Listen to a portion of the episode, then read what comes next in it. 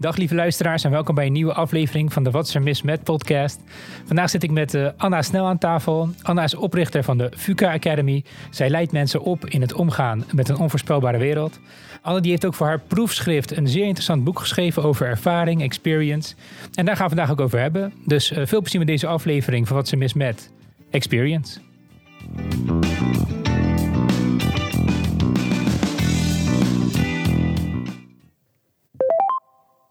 Welkom Anna. Dankjewel. Hey, uh, dit is lang in de making. Heel Eindelijk uh, heb ik je kunnen vangen met je drukke agenda. Dus ik ben heel blij dat je tijd hebt gemaakt voor ons vandaag om erbij te kunnen zijn.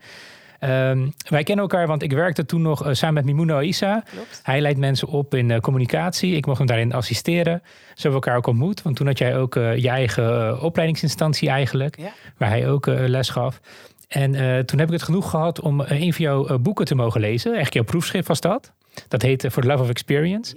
Nou, voor de mensen uh, die het niet mogen zien, uh, ga ik leggen even uit wat je dan ziet. Het is een groot boek met veel pagina's, knalroze, dus uh, niet te missen. Nou, heel erg goed voor de marketing natuurlijk.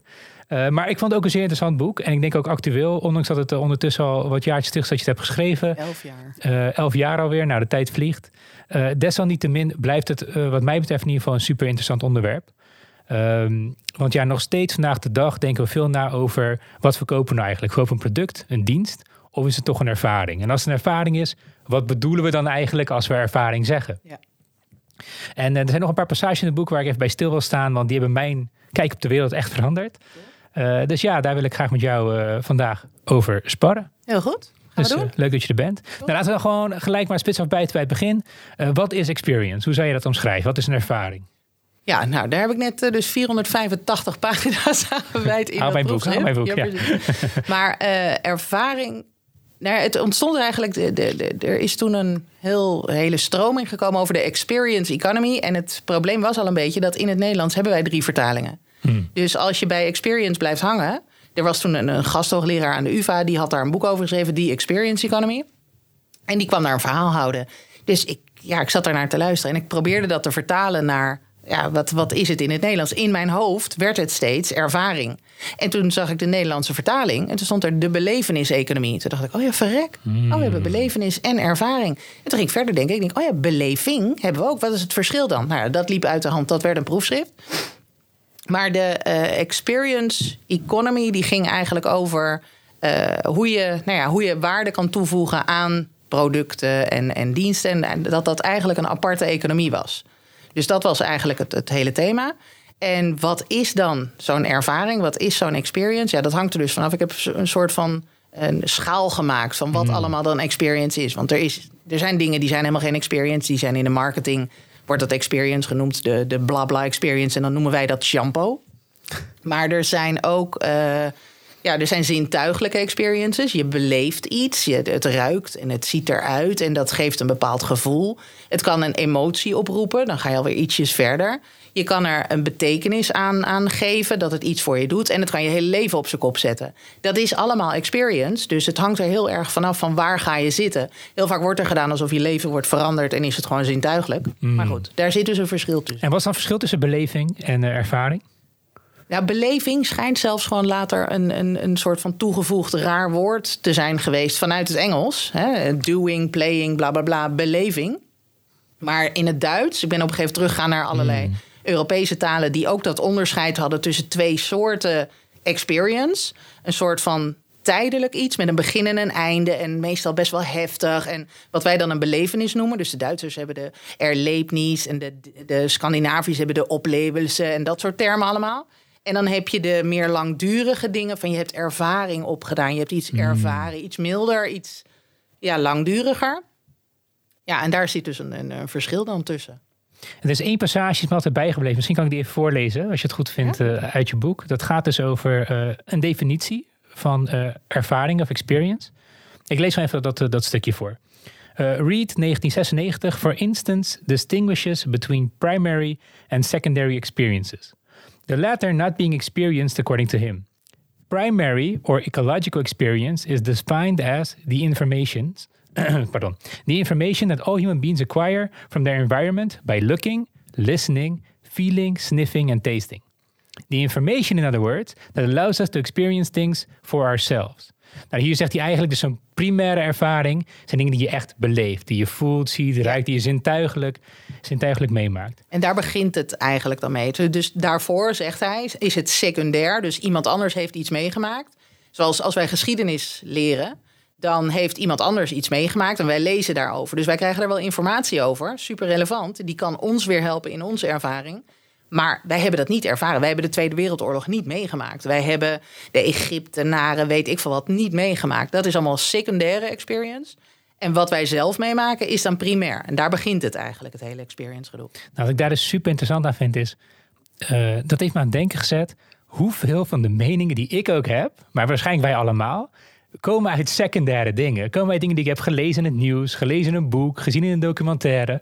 Maar misschien ben ik nooit in dat land geweest, heb ik nooit dat eten geproefd, heb ik nooit uh, ja, dat ding waar ik over na het nadenken ben meegemaakt, zelf, primair. Maar toch kan ik een hele, hele sterke mening over hebben. Ja, en dat klopt ook. En je ziet dat dus ook heel vaak, als ik dus ook nu met opleidingen met mensen bezig ben, dat we dan gaan kijken van waar komt onze informatie überhaupt dus al vandaan? En heb je dat, en uit wat voor bron heb je dat dan gekregen? Ja. Want dat maakt ook wel, zeker nu met uh, op internet disinformation, fake news, bla bla bla. Oké, waar komt het vandaan? Dus er zijn ook weer allerlei theorieën over van hoe kom je eigenlijk tot je, tot je handelen of je mening, je overtuiging. En dat je dat dus gaat afpellen van oké, en waar, wat zit er nou eigenlijk onder? Wat zijn nou echt de, de, echte data die je hebt? Wat heb je nou echt gezien? Ja, je zit natuurlijk ook in de academische sfeer, Anna. Nou ben ik ook benieuwd, hè? Zo'n academicus. Je hoeft geen namen, rugnummers te noemen. Maar zijn dat niet vaak mensen, misschien is dat mijn voordeel hoor, maar die toch heel veel secundaire ervaringen hebben eigenlijk. En daar dan mee communiceren. Die hebben veel boeken gelezen.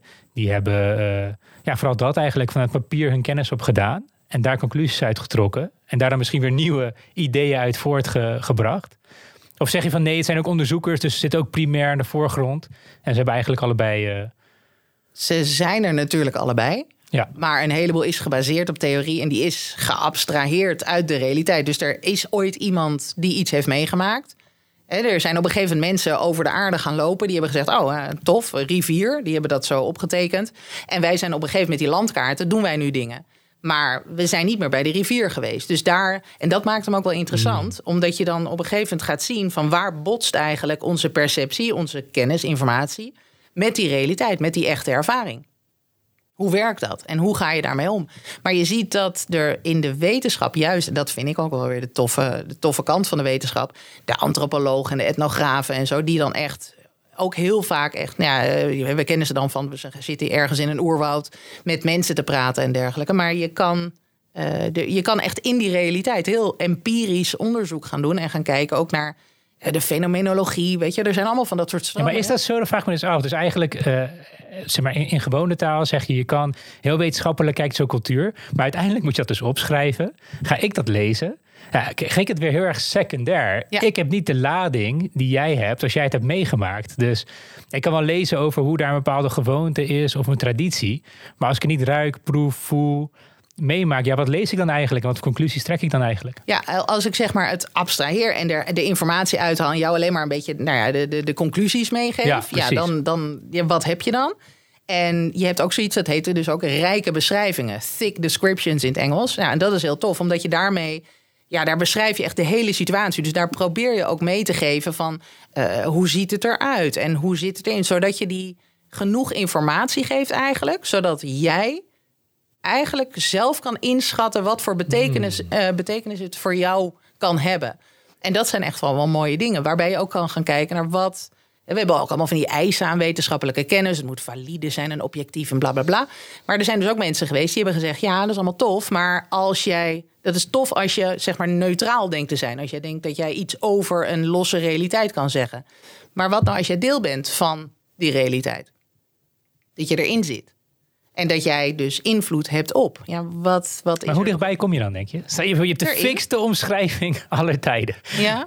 Uh, denk je dat mensen zich dan goed kunnen inleven en verplaatsen? Ja. Oké. Ik denk dus niet. Nee? Nee, ik denk dat er heel veel uh, ruis, uh, ondanks... kijk, ik ben zelf geboren in het buitenland, in het Oostblok. En ik ben hier opgegroeid. En ja, je ziet natuurlijk dan onwijs, net zoals iedereen die tweetalig is opgegroeid of van een andere cultuur komt. Je ziet natuurlijk een wijze contradictie in cultuur. En als ik die cultuur dan zou uitleggen, hoe fik dan ook, uh, dat zou voor mij nooit de lading kunnen dekken als ik iemand uitnodig bij mij thuis om een keer met ons te komen eten en de grapjes die we maken en het eten te proeven dat wij eten.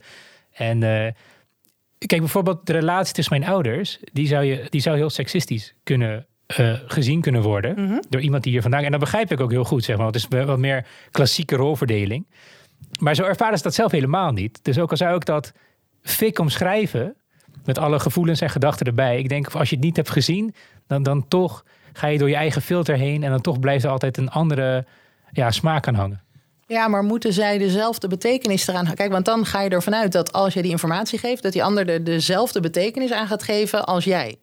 En dat is, denk ik, sowieso heel lastig. Dat maar ik denk, eens. Ja. die zal er een andere betekenis aan geven. Dus ik kan eh, bepaalde informatie geven. Jij gaat dat sowieso op je eigen manier interpreteren. Ik heb jouw brein natuurlijk niet onder controle. Zou ik niet willen, maar weet je, dus de, de, de, er, er zit heel vaak in ons denken een idee van er is een waarheid. En als ik die beschrijf, dan moet die waarheid precies zo in jouw hoofd komen. Dat is natuurlijk al best wel een lijp idee. Mm. Want hoe ga je dat doen? Wat, wie, en wie heeft eigenlijk bepaald dat mijn waarheid de waarheid is? Weet je, dat, dat soort ideeën. Dus met die experience zit je ook heel erg te kijken naar... ja, eh, wat ik ervan denk. Dit is wat ik erin stop. En die ander haalt er per definitie iets anders uit. Dus weet je, daar ga je in zitten schipperen. Maar jij gaat het nooit zo zien en interpreteren... als dat ik het heb gezien en geïnterpreteerd. Dat lijkt me... Ja, lijkt me. Nee, helemaal niet eens. Zelfs primair niet. Dus zelfs al Nee. kijken we allebei, zelfs al gaan we allebei een vulkaan beklimmen samen, eh, dan nog kan ik dat anders ervaren dan dat jij het hebt ervaren. Nou ja, jij weet hoe ik met kerst ben. Hè? Als je mij in een kerstwinkel zet, dan Ja. beleef jij iets anders dan ik, per definitie. En dat is met alles zo. Want jij. Eh, Zo is, nou, en jij zelf ook. Hè? Dat is ook iets met, met wetenschap, dat dat heel objectief en neutraal en dergelijke is.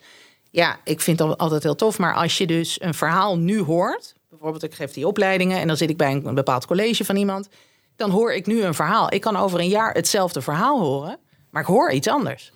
Wat die persoon vertelt kan woord voor woord hetzelfde zijn. Ik hoor iets anders, want ik ben iemand anders, dus ik interpreteer het anders. Nee, goed.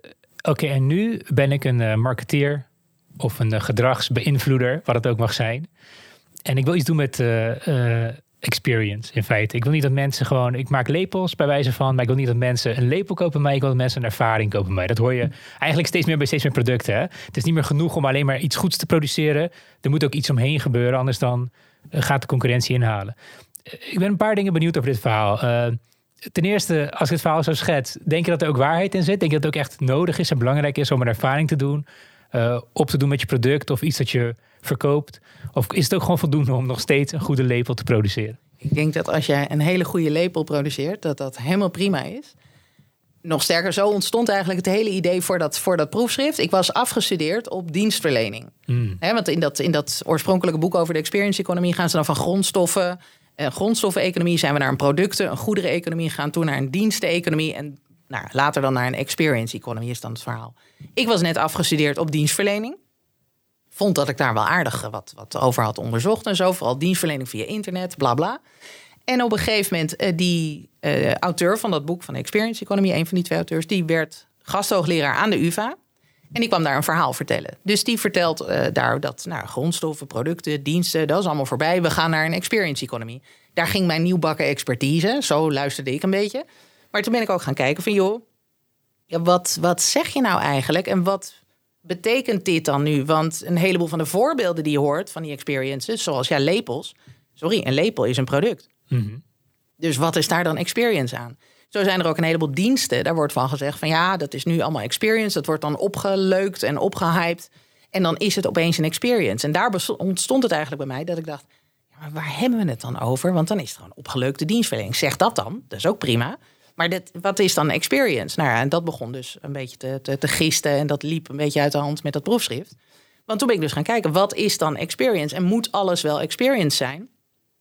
En hoezo dan eigenlijk? Want een lepel, ja, die experience jij ook. Is het een fijne lepel? Is het een gro- te grote, te kleine lepel? Maar waarom moet dat nou opeens een spooning experience En worden? waarom moet dat? Ja, van mij moet dat dus Oh. helemaal niet. Nee, ik vind dat heel...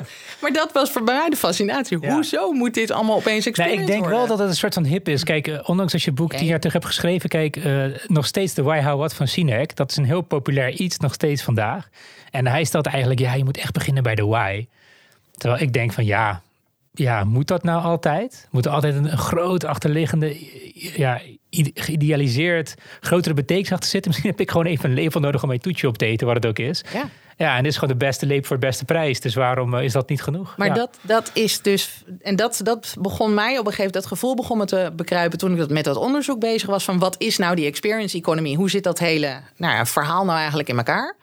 Dat ik op een gegeven moment dacht van ja, vanuit een organisatie snap ik het, weet je. Want als jij zegt, joh, voor grondstoffen kan je heel weinig geld vragen. Als je er iets mee doet en je maakt er een productje van, kan je alweer meer geld vragen. Vervolgens ga je er nog meer mee doen en vraag je nog meer geld. En dan wordt het een experience, bla bla.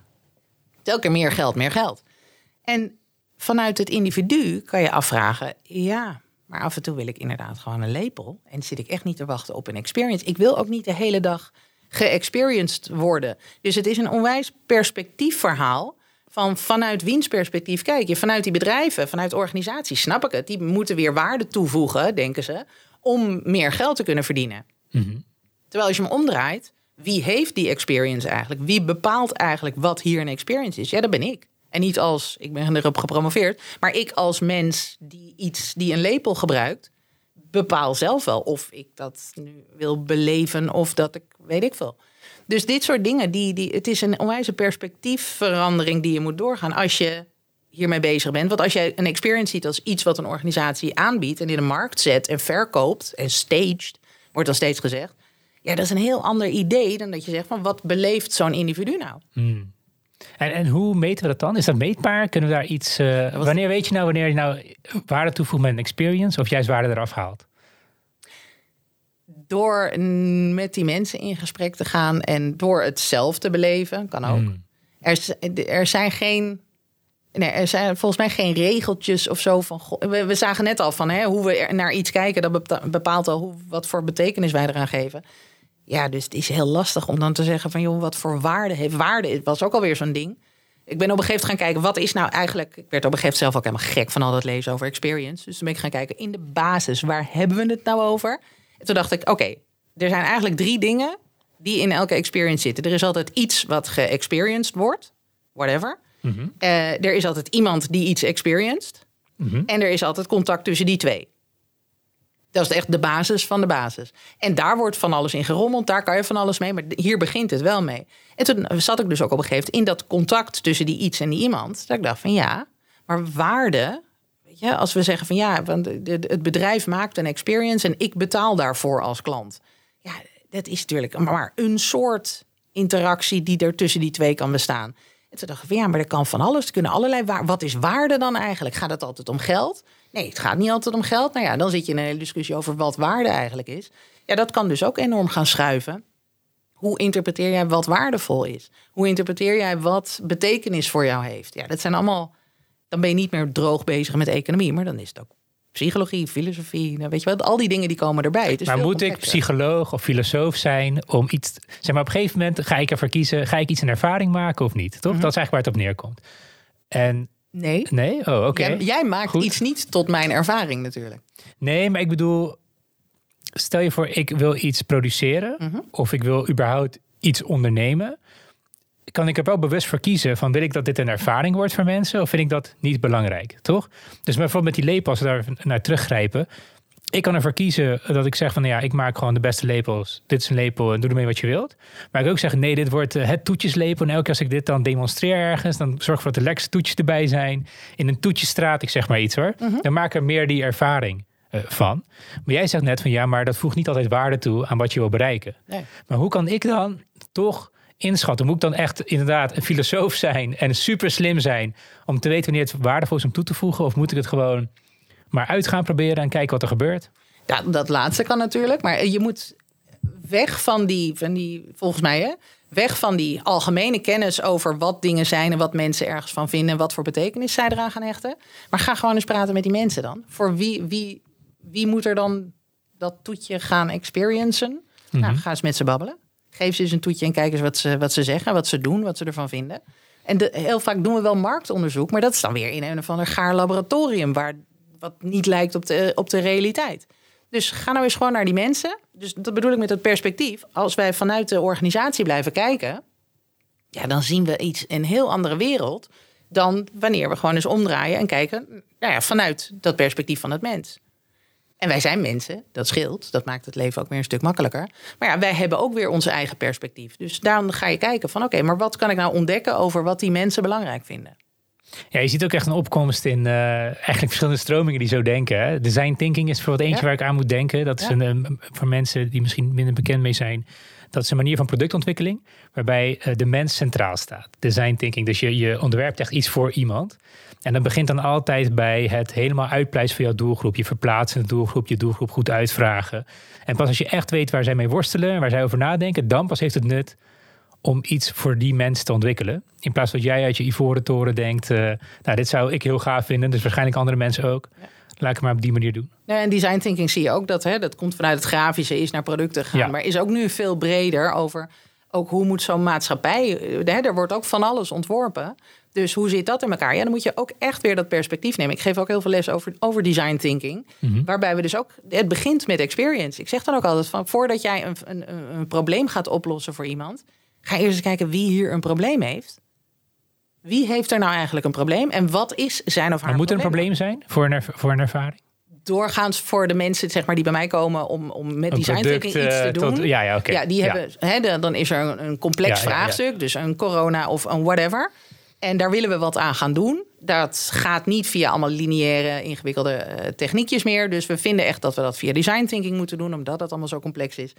Nou, het eerste is dan ook dat ik zeg: nou ja, ga maar kijken. Gewoon, wat is hoe wordt dit vraagstuk ervaren? Hmm. Het wordt ervaren door iemand.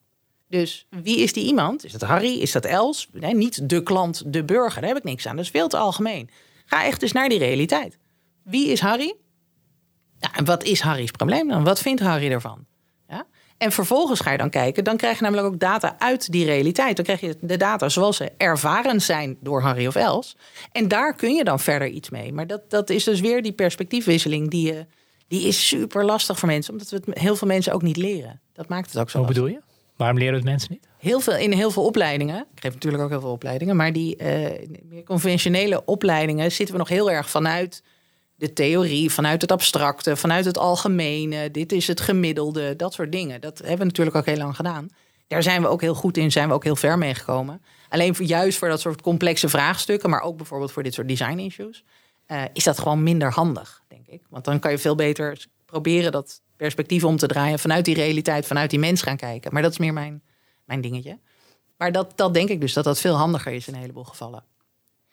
Want die experience economy, uh, zitten we daar nu in? Zitten we nu in een experience economy? Ja, het schijnt zo, hè? Oké. Ja, het schijnt dat, dat zeggen ze. Ja, dat, dat zegt men. Nee, dat was al. Maar is het zo, kijk, als ik gewoon naar mijn dagelijks leven kijk, ik heb niet het idee dat ik sprankelende experiences in mijn gewone dagelijkse dingen. Als ik naar de supermarkt ga, dat is niet een sprankelende experience voor mij. Als ik uh, naar de kapper ga.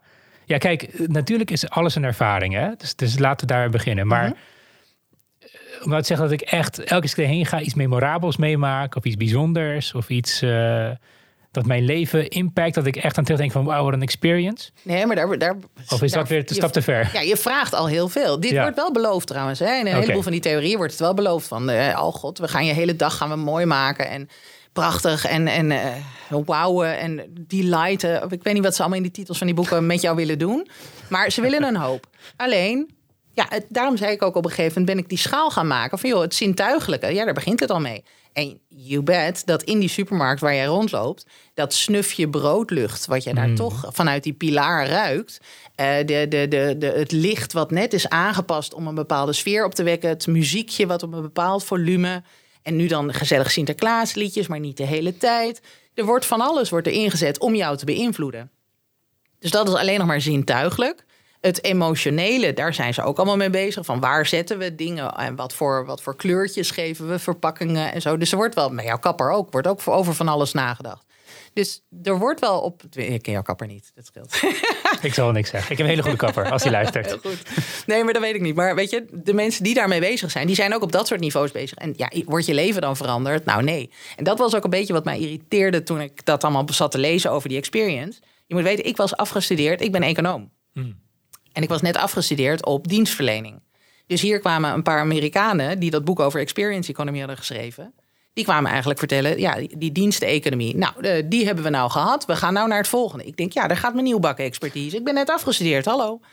Dus daarom ben ik daarmee, daarop losgegaan.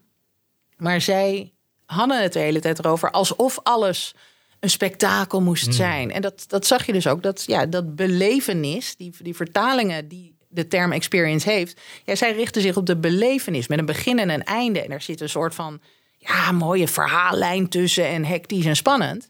Terwijl ervaring ja, is veel, veel langduriger en dat wordt deel van jou. En dat is niet zo heftig. Het is niet zo van, oh, ik ben naar de kapper geweest en mijn leven is veranderd. Of, oh, het komt net uit de Dirk van den Broek en mijn life will never be the same.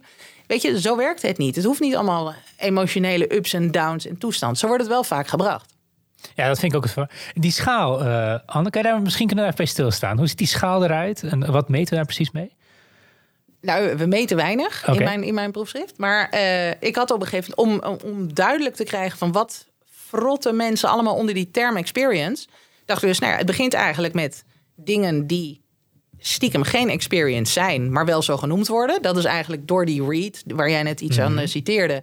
Ja, secondary experience. Dat, is, dat heeft iemand misschien wel geëxperienced, maar ik in ieder geval niet. Ik lees daarover, ik hoor daarover. Ik kijk er naar via YouTube, maar dat heb ik niet geëxperienced in ieder geval. Dus dat is secondary. Mhm. Eigenlijk telt dat dus niet eens mee. Kan wel invloed hebben op mijn experience, maar dan meer als informatie.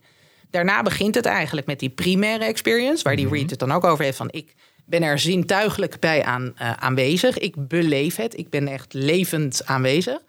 Uh, vervolgens kan een deel van die zintuigelijke dingen leiden tot emoties. Weer een volgende stap. Die emoties die ontstaan alleen maar als er iets verschilt natuurlijk. Iets verschilt er van elkaar, daar kunnen we dan van leren. Dat kan dan feedback geven. Maar wat bedoel je daarmee? Iets verschilt van elkaar? Als, er, uh, als dingen van elkaar verschillen, als dingen opvallen, dan kunnen ze pas leiden tot emoties. Volgens de literatuur in ieder geval. Maar daar ben ik het ook wel een beetje mee eens.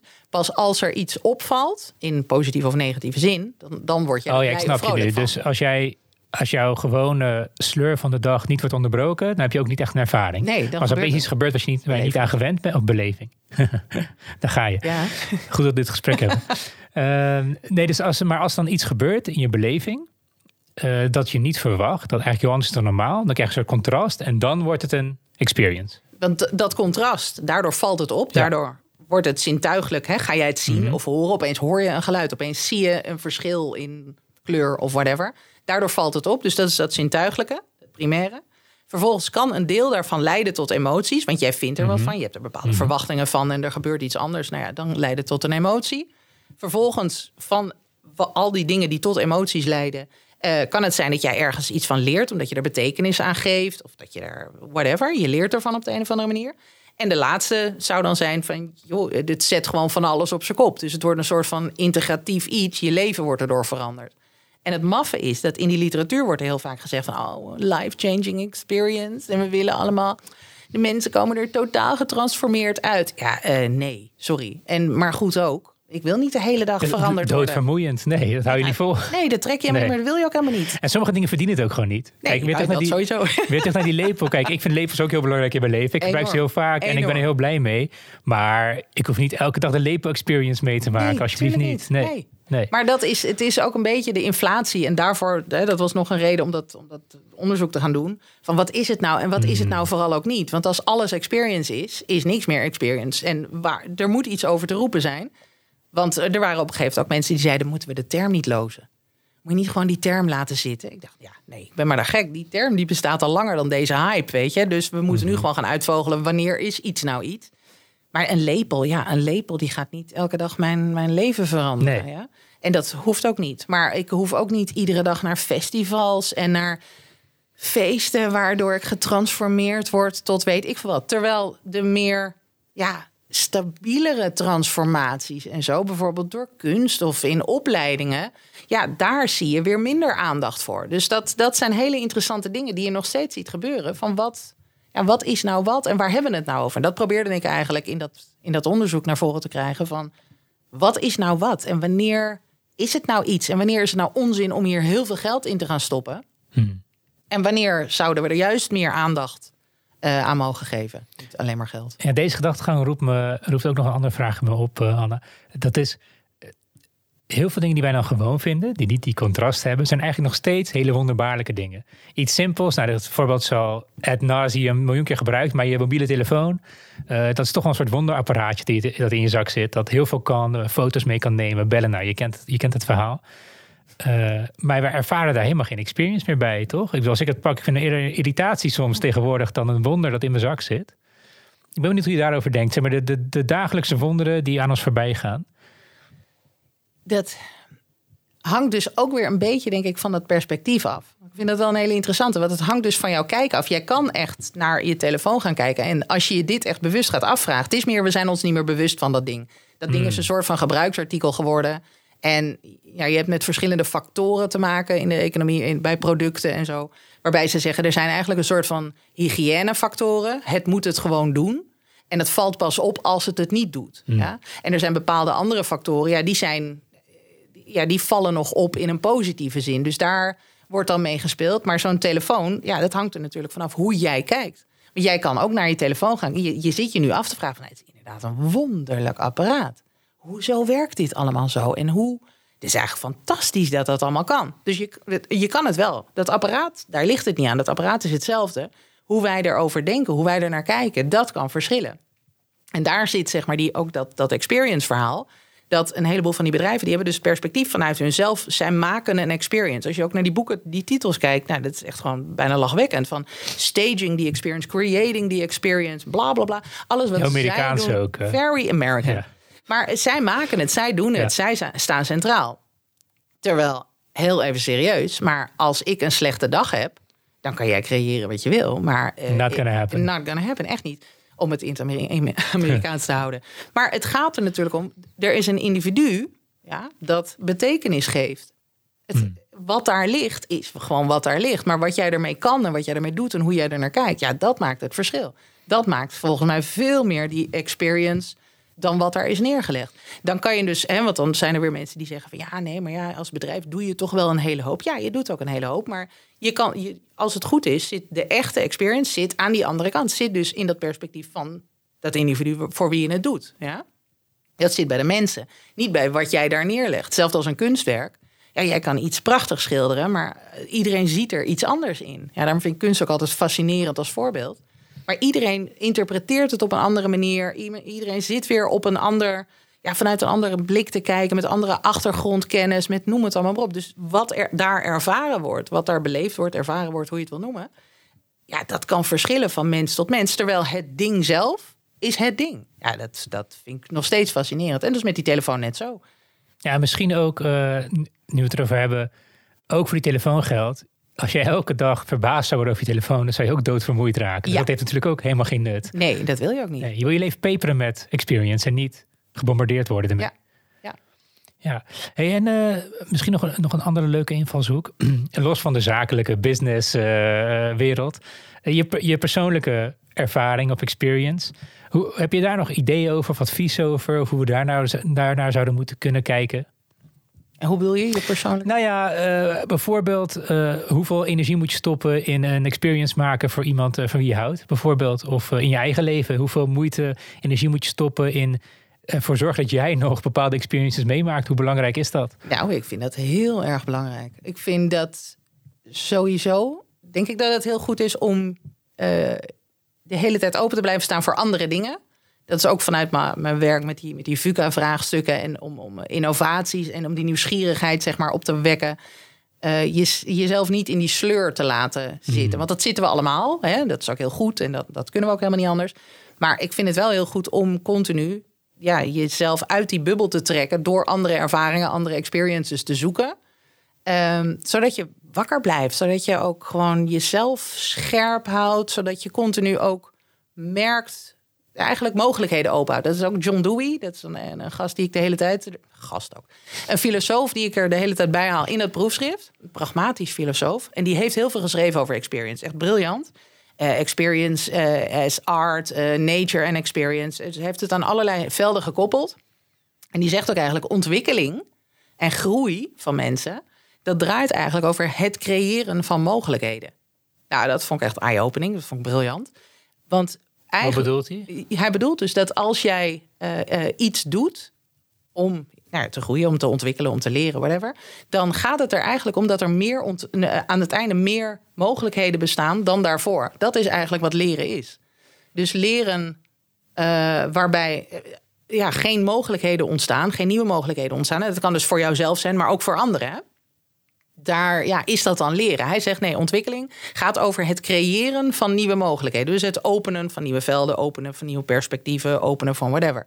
En dat is volgens mij wat ja, ook heel, heel cool is. Ik doe dat in ieder geval in mijn leven. Ik probeer steeds opleidingen te doen die uit mijn comfortzone liggen. Om nieuwe dingen te ervaren. Ja? En daarmee kan je dus wel jezelf ook het scherp houden op uh, nou, wat, wat is bijvoorbeeld normaal. Ja? Wij beschouwen een heleboel dingen als normaal en vanzelfsprekend. Ja, daar kom je eigenlijk niet achter. Want je zit binnen die bubbel van normaalheid juist door iets heel anders te doen, merk je dat je in die bubbel zit. Dat je iets anders normaal vond. Ja? En door jezelf continu te verrassen en te verstoren op die manier. Ja, daar, ja, dan... Maar is dat niet ook heel stressvol? Ik bedoel, verandering is toch wel uh, stressvol? Nee, ik, ja, ik vind dat, zal per, dat, zal per persoon natuurlijk verschillen. De een houdt meer van verandering dan, uh, dan andere. Ik vind het fantastisch. Ik vind het bloedsaai als ik dat niet Ja, als ik jou hoor praten over mogelijkheden. Kijk, ik, jij vindt het dan heel mooi. Ik vind het trouwens ook mooi hoor. Ik hou ook van altijd leren en, en bla bla bla, het hele verhaal. Maar um, ik kan me ook heel goed iemand inbeelden die dat echt verschrikkelijk vindt. Die dat, alleen maar ziet als stress en gevaar. en nee, ik ken gewoon wat ik ken. Ik ben er hartstikke goed in. Ik ben daar hartstikke blij mee. Waarom zou ik in godsnaam nog meer mogelijkheden willen? Oh nee, stress. Nee, maar vooral niet doen dan. Nee, precies, precies. Zo persoonlijk dan, uh, ja. Dat is enorm. Het is, maar dat hele experience ding is persoonlijk. En dat is een beetje mijn ding ook, hè, als we het hebben over wat is er mis met. ja. uh, die experience economie werd heel erg ingezet als ja, een soort van ja, nieuwe economie. Wat, wat bedrijven in dat geval, hè, in eerste instantie gaan lopen pushen. En ik had zoiets van, ja, maar daar... Ik weet, A, wat er gepusht wordt, dat is volgens mij helemaal niet wat zij beloven te pushen. Want ik ga even jouw leven veranderen. Dan vind ik hetzelfde, ik ga jou nou verliefd slaan. Ja, dat kan niet, weet je. Daar hmm. ga jij niet over. Daar ging ik over.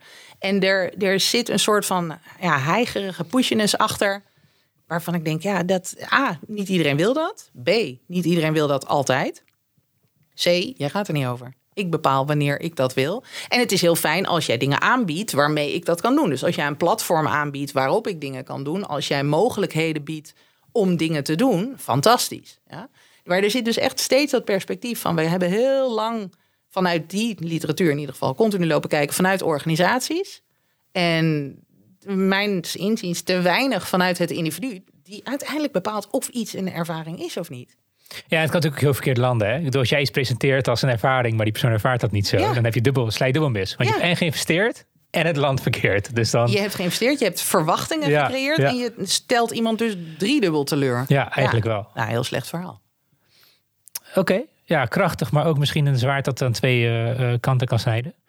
Uh, ja, nou super interessant. Heb jij nog bepaalde zaken die je, die je zou willen kwijt willen over experience of ervaring? Nou, ik heb het allemaal opgeschreven in een mooie roze boek. boek. ik zal sowieso downloaden. een linkje plaatsen eh, naar jouw boek. Naast dat boek, uh, Experience, uh, doe jij ook, ben je ook opleider. Kan je daar iets over vertellen? Ja, ik heb een jaar of zes, zeven geleden denk ik de VUCA Academy opgericht.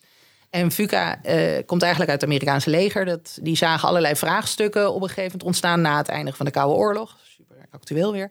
Ehm, waarbij ze zagen van nou, de wereld is eh, volatieler, verandert sneller, meer onzeker, complex, bla bla bla. VUCA werd het dan. En we moeten daar mensen voor opleiden. Nou, dat is op een gegeven moment breder gegaan, want andere organisaties hadden ook zoiets van: nou, dit is niet defensie gerelateerd. Dit hebben we allemaal. Dit is de wereld waar we mee te maken hebben. Dus die vraagstukken, daar leid ik mensen voor op en daar doe ik onderzoek naar van wat moet je ermee, wat kan je ermee, wat een heleboel van onze oude technieken en zo, die werken daar niet meer. En ons oude paradigma werkt daar niet meer. Dus dat is heel erg gerelateerd nog steeds aan dat experience. Omdat daar ook continu die shift van hoe kijken we vanuit de organisatie en hoe kijken we vanuit het individu. Dat is niet zo makkelijk. Je kan niet zo makkelijk een ander perspectief nemen en andere dingen gaan doen en op andere manieren gaan werken. Nou, dat zie je bij die VUCA-vraagstukken dus ook. Dat mensen daar heel erg tegenaan lopen. Dat ze in, het, ja, in wat wij kennen, heel logischerwijs, blijven hangen. En dat werkt niet meer lekker bij die vraagstukken. Dus hoe ga je daarmee om? Dus daar hebben we allemaal met duurzaamheid en innovatie en problem solving. Nou, dat soort zaken. Opleidingen en, en nou, trajecten lopen. Ja, super gaaf. Eh, als mensen jou in contact willen komen daarover, uh, hoe kan dat? Via welk kanaal zou je fijn vinden? Kan via LinkedIn? Heb je een via LinkedIn, ja. Ik zal dat allemaal dan ook plaatsen in de omschrijving van deze podcast. super interessant en thought-provoking was toch Amerikaans toen. Dus dankjewel voor dit gesprek. Heel goed, graag gedaan.